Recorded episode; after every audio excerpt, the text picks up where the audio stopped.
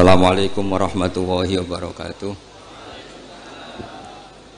Bismillahirrahmanirrahim. Tabarakalladzi nazzala al-furqana ala 'abdihi liyakuna lil 'alamin nadhira. Allahumma salli wa sallim ala sayyidina Maulana Muhammad wa ala alihi wa sahbihi asma'in nama ba'du. Al-Mukarram sedanten keluarga besar Kiai Haji Hamid bin Abdullah bin Umar wabil khusus paman kawula Kiai Haji Idris. Ingkang kula hormati Kiai Haji Agus Ali Masyuri Gus Zofur Gus Sipul sedanten mawon ingkang kula hormati para hadirin. Ini nanti mungkin ada tiga audisi yang diperlombakan Mbak Idris. Mungkin Gus Zofur saya Gus Ali. Nanti yang menang yang terakhir karena mikir sing iso ngalah no piye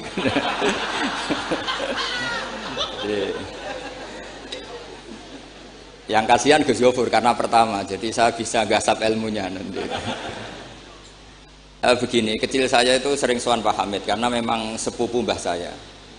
Eh, dalam catatan nasab mbah saya kandung namanya Fatimah binti Kholik bin Umar. Tapi sepuh-sepuh namanya tidak Kholik tapi Idris kayak Mbah Hamid ini nama kecilnya itu Abdul Mukti. Jadi di keluarga saya biasa ganti nama. Dulu kecil saya orang manggil Udin. Jadi bakul bakso. Lama-lama setelah agak-agak alim tuh Bamun manggil saya itu Bahauah dulu. Saya pernah diganti Bamun Bahauah lama-lama mungkin terlalu sakral terus tengah-tengah itu Bahaudin ini Ah, begini, dulu saya pernah cita-cita jadi wali karena punya penambah wali. karena kecil saya itu sering dijak Suan Hamid. Setelah agak besar kok prosedurnya kok agak sulit gitu. Terus terus jadi tidak ingin. Gitu. Tapi tadi kata Gus Yofur, sementing pernah nempati tempat yang dipakai wali. Tempat ini pernah dipakai Mbah Hamid. Insya Allah nasib kita kayak Nabi Zabah Zakaria. Karena takbirnya hunalika di tempat itu. E, begini jadi saya akhirnya nekuni ilmu itu di sarang. Yang jelas begini sebelum hadirin tahu banyak tradisi keluarga saya itu menghafal Quran. Dulu bapak saya Kiai Haji Nur Salim Al Hafid setiap ke sini itu diminta Mbah Hamid baca Quran di kamarnya. Jadi bapak saya itu kecelok ponaan mantu saya dengan Mbah Hamid itu nasibnya sama. Jadi Mbah Umar itu punya istri namanya Maimunah, itu mbak kandungnya Mbah Bedowi.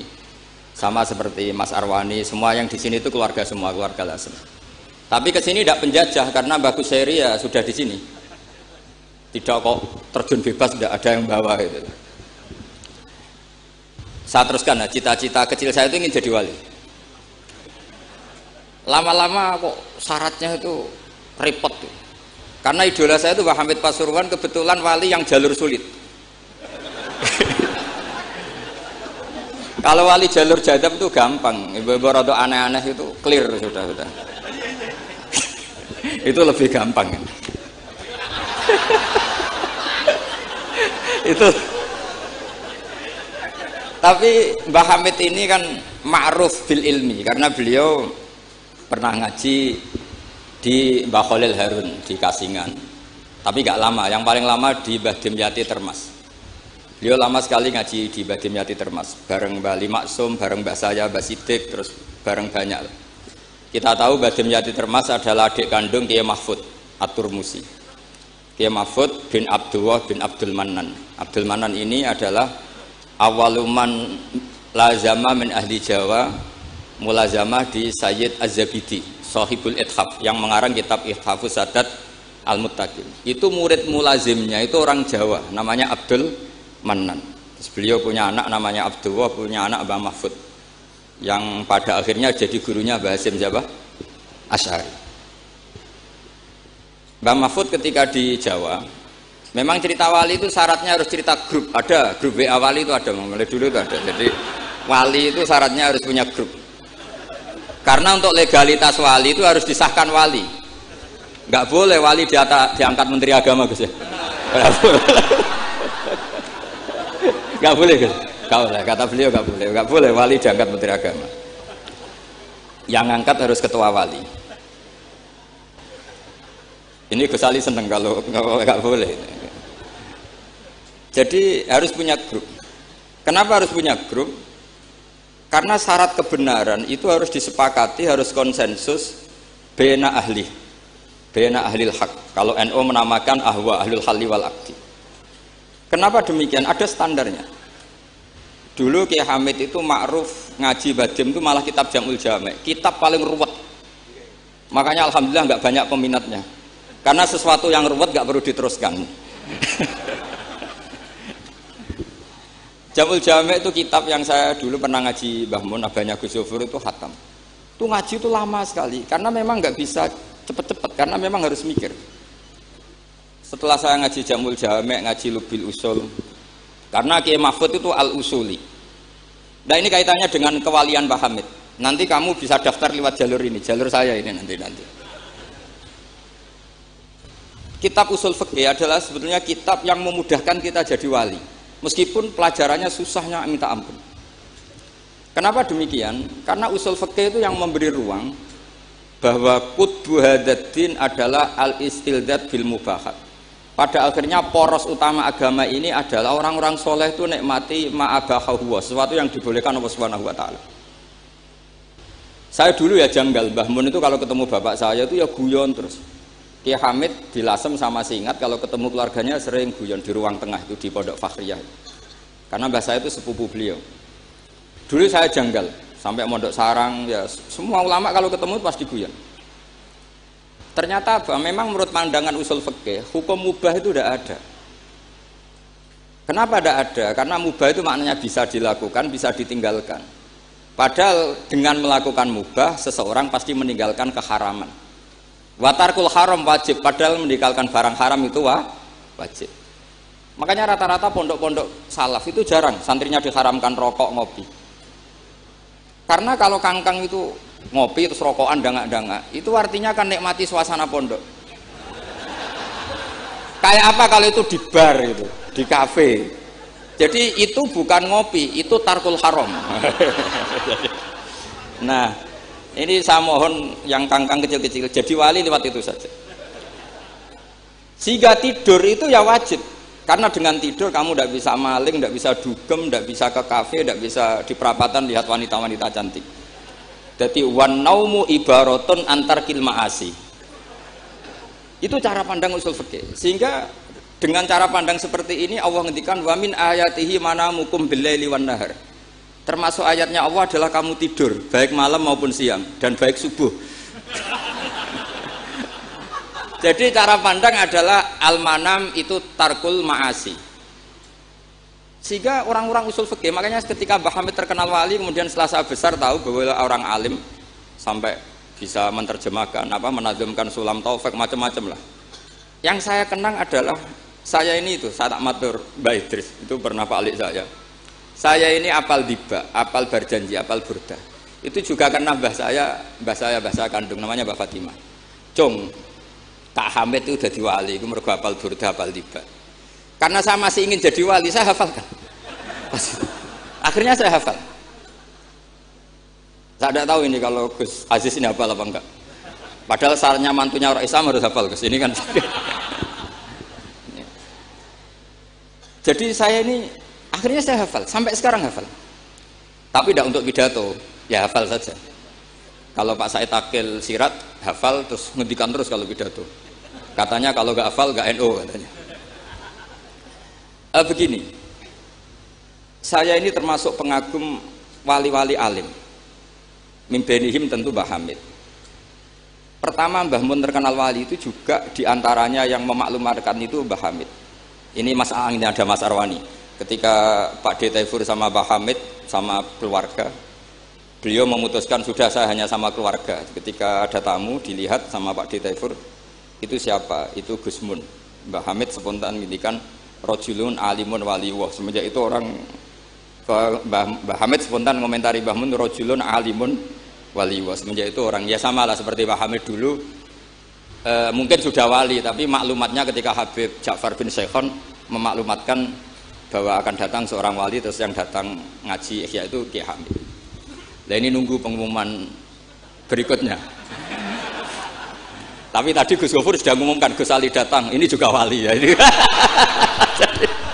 anggap saja ini penobatan. Cuma yang agak masalah ini kan Gus Gofur itu pernah putus sama Gus Ali. Bahmun saja manggil Gus Ali le. Jadi ini kalau betul penobatan minal adna ilal a'la ini agak. Jadi ini tauliyatul adna lil a'la. Jadi ini agak agak masalah. maka belum begitu sah ini nanti. Atau kalau sah ya tanpa penobatan itu memang memang sudah wali itu jadi ini. Nah, begini, saya minta supaya pendaftaran wali itu lewat jalur ilmu saja. Saya punya sekian cara untuk anda menjadi wali dekat Allah maksudnya wali itu dekat Allah tentu tidak akan sekali berbahamid sudah itu tidak sopan ingin sekali berbahamid itu tidak sopan jadi wali yang biasa-biasa saja saya pernah baca hadis di Musnad Ahmad Suatu saat Rasulullah itu kelihatan ceria sekali. Oh, monggo ke Sidrar, monggo. Monggo, monggo. Gimana ke Sidrar?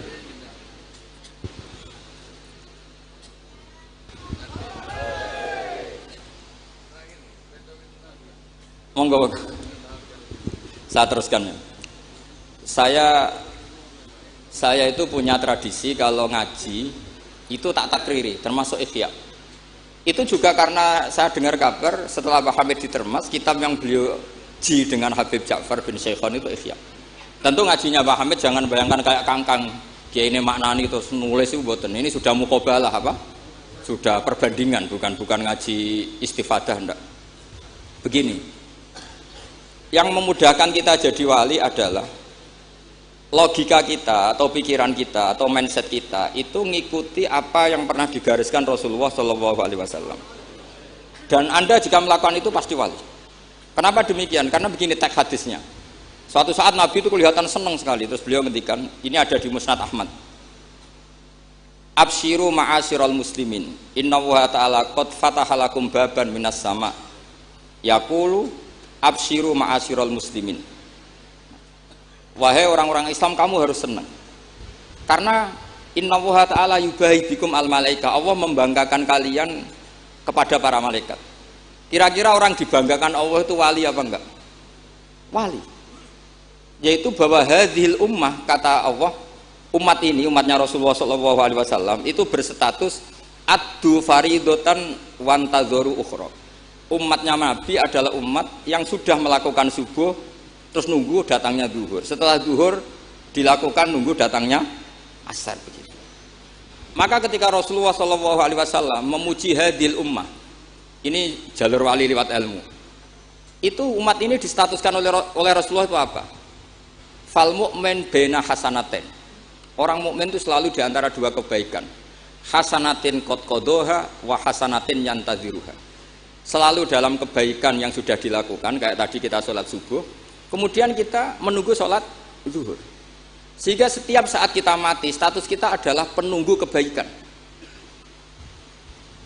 Jadi ini penting saya utarakan supaya orang mukmin selalu melakukan kebaikan dan menunggu akan melakukan kebaikan lagi. Sehingga safarnya begitu terus. Perjalanannya begitu terus dan itu bisa menjadi niat. Kemudian sebagian ulama ini dibabkan di bab niat. Kenapa orang di surga selamanya padahal amalnya berdurasi, amalnya terbatas. Misalnya kita masuk surga, amal kita paling banter kan 60 tahun, 80 tahun. Kenapa kita di surga abadal abad? Itu oleh ulama seperti Imam Suyuti dibabkan bab niat. Karena kita punya niat, punya komitmen. Lau isna abadal abad, la amanna ya abadal abad. Lau syi'na abadal abad, ya la solaina abadal abad. Karena kita punya niat, andai kan kita hidup selamanya, kita akan iman selamanya. Andai kan kita hidup selamanya, kita akan sholat selamanya. Nah, kenapa orang kafir muadzab abadal abad padahal dia kafirnya juga terbatas? Karena di hati mereka kalau hidup terus ya akan begitu terus.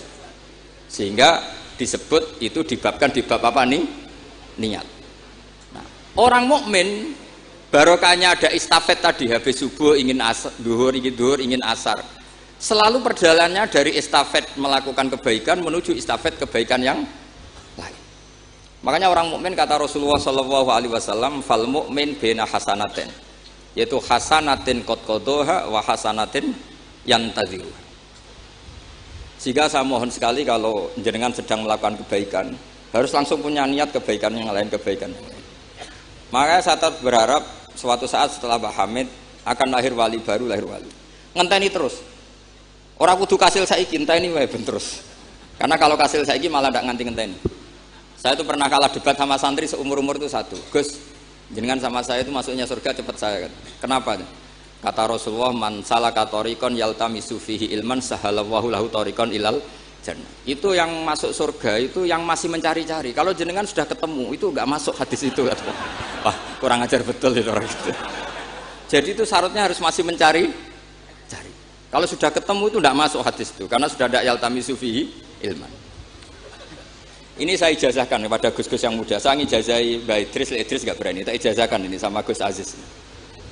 Mbak Hamid dulu masyurnya itu supaya orang-orang tua ini yaltami sufi ilman itu yang orang-orang sepuh itu kalau suan beliau disuruh ngapalkan Quran ada yang dua tahun mati empat tahun mati sementing kata beliau kata Pak Hamid sini sementing kue nuju golek ilmu cum termasuk Pak De Bukhari yang orang lasem itu juga ngapalkan Quran ada yang enam juz mati sembilan juz mati karena Pak Hamid ingin semua orang itu yalta misufihi ilman bahwa dalam kehidupan ini mencari-cari apa ilmu meskipun beliau tahu secara teori nggak nggak sampai umurnya Makanya kalau suwun yang sepuh-sepuh ini juga terus terus daftar wali nanti terus belajar. Tapi jangan buku yang menyesatkan. Nah, kenapa begitu? Karena ulama dulu itu ingin semua orang itu melakukan hasanatin kot kodoha wa hasanatin yang taziru.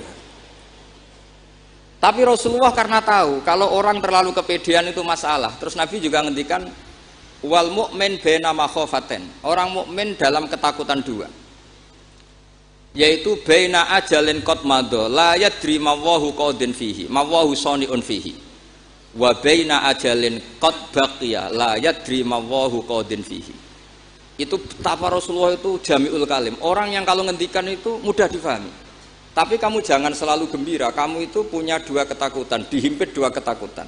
Yaitu ketakutan masa lalu kamu. Yang kamu tidak tahu Allah akan memperlakukan kamu kayak apa. Dan ajal yang akan datang kamu juga gak pernah tahu nanti kamu diperlakukan Allah kayak apa. Makanya terus ulama-ulama kalau ngarang itu biasanya dibabkan kitabul khawfi war jadi rojaknya karena al mu'min baina hasanaten yaitu hasanatin qad qadoha wa hasanatin yantaziruha. Tapi juga al mu'min baina makhofaten baina ajalin qad madho la yadri mawahu saniun fihi wa baina ajalin qad baqiya la yadri mawahu qadin fihi. Sehingga orang Islam semuanya stabil ada ada khauf ada rujak dan itu lagi-lagi di kitab Ikhya kitab yang dimulazamai Mbah Mun dimulazamai Mbah Hamid saya sampai sekarang masih terus belajar Ikhya naraiso yang ngerpek. Saya sampai sekarang masih ngerpek ngerpek kitab Ithaf karena saya punya Ikhya itu empat kalau nggak lima. Cetakan Toha Putra DKI Darul Hadis Al Qahirah saya biasanya kalau kitab induk punya sampai empat sampai lima. Nggak tahu kalau ibu induk nggak tahu itu punya itu nggak tahu saya. Pokoknya kalau kitab induk itu saya punya sampai empat. Karena sering salah cetak kenapa dulu sering salah cetak begini? Kalau seorang ulama ngarang itu ditungguin muridnya. Imam Bueti nulis Imam Buzani nulis Imam Robi nulis. Mungkin karena Imam Syafi'i ngendikan misalnya yas tasfid mungkin yang satu nulis pakai sin yang satu nulis pakai sod. Sehingga kitab sekecil takrib itu ada wafinus sotin gak ada?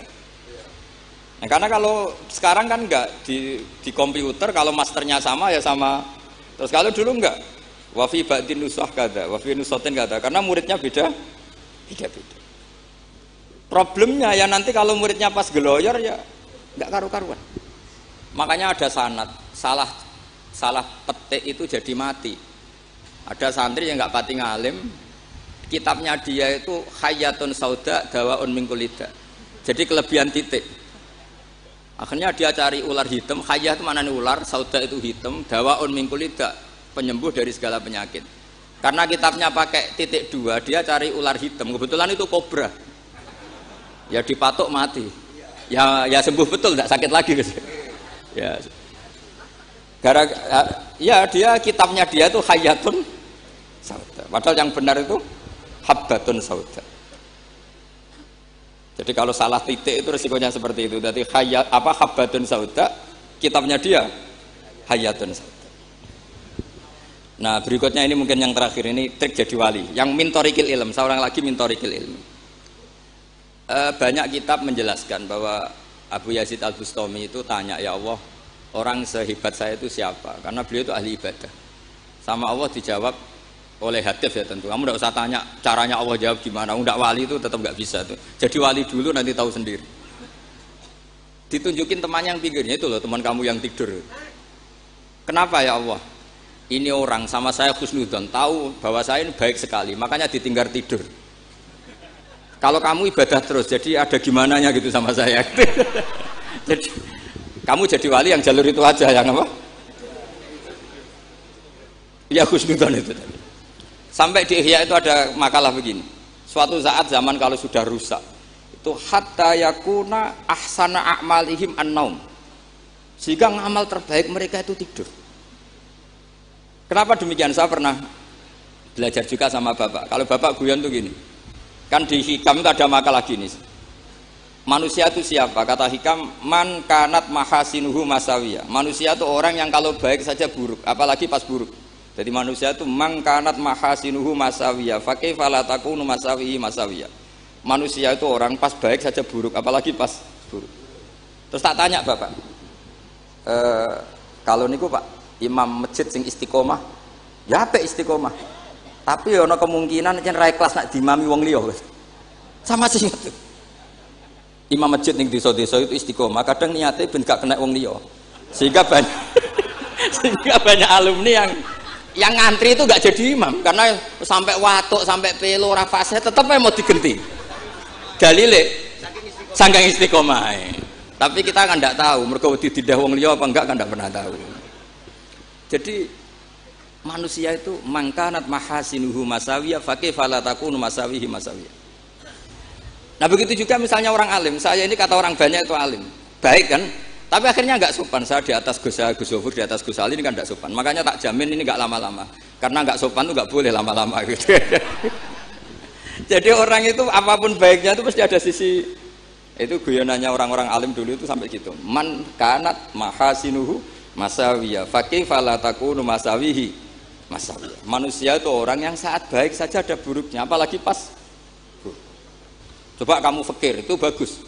Karena ngeringankan hisap tapi ono tonggo loro raiso nulung ono wong macam-macam raiso nulung. Padahal fakir itu bagus. Allahumma ahyini miskinan wa amitni miskinan. Enggak suge ya apa iso nulung wong macam-macam. Tapi mesti ono sombongnya ora tak tulung ra urip kono. Terus sampean takok lah carane piye Gus?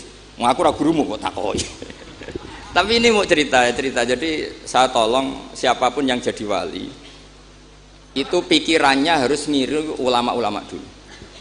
Ini yang terakhir bapak dapat ijazah dari Hamid itu gini, kalau mau ngaji atau baca apa, ya Allah, saya niat kayak niatnya si Abdul Qadir apa? Al Jilani itu masyur itu Mbah Hamid. Karena kalau kita yang niat itu potensi salah, maka numpang niatnya si Abdul Qadir Jilani. Setelah saya ngaji di sarang sama Mbah Mun, ternyata pola-pola itu dipakai daripada minta keliru mendingan Allahumma inni as'aluka ma as'alaka bi abduka nabiyuka Muhammad wa astaizu bika masta'adha min habibuka nabiyuka Muhammad. Karena sekali doa itu keliru itu masalah.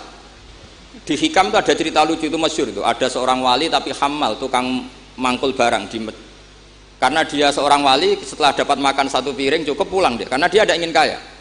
Setelah itu ibadah terus Lama-lama matur, ya Allah saya ini seorang wali, konsentrasi saya hanya ibadah, ngapain harus kerja jadi hamal, tukang manol. Mbok kasih rezeki yang tanpa saya kerja. Singkat cerita sama Allah ditekdir dicurigai maling, terus di penjara. Di penjara tiap pagi dapat makan, sore dapat makan. terus tanya, ya Allah kenapa jadinya gini? Kan kamu minta rezeki tanpa kerja. Ya di penjara itu gitu. Nah, makanya semenjak itu wali-wali itu gak berani doa karena sekali salah itu masalah. Termasuk doa minta jadi wali itu efeknya punya istri cerewet kata Gus karena itu satu paket katanya. Jadi jadi wali tadi saya bikin tiga tip Gus juga tipnya lebih keras lagi. Syaratnya harus punya istri apa tadi? Cerewet. Ya wassalamualaikum warahmatullahi wabarakatuh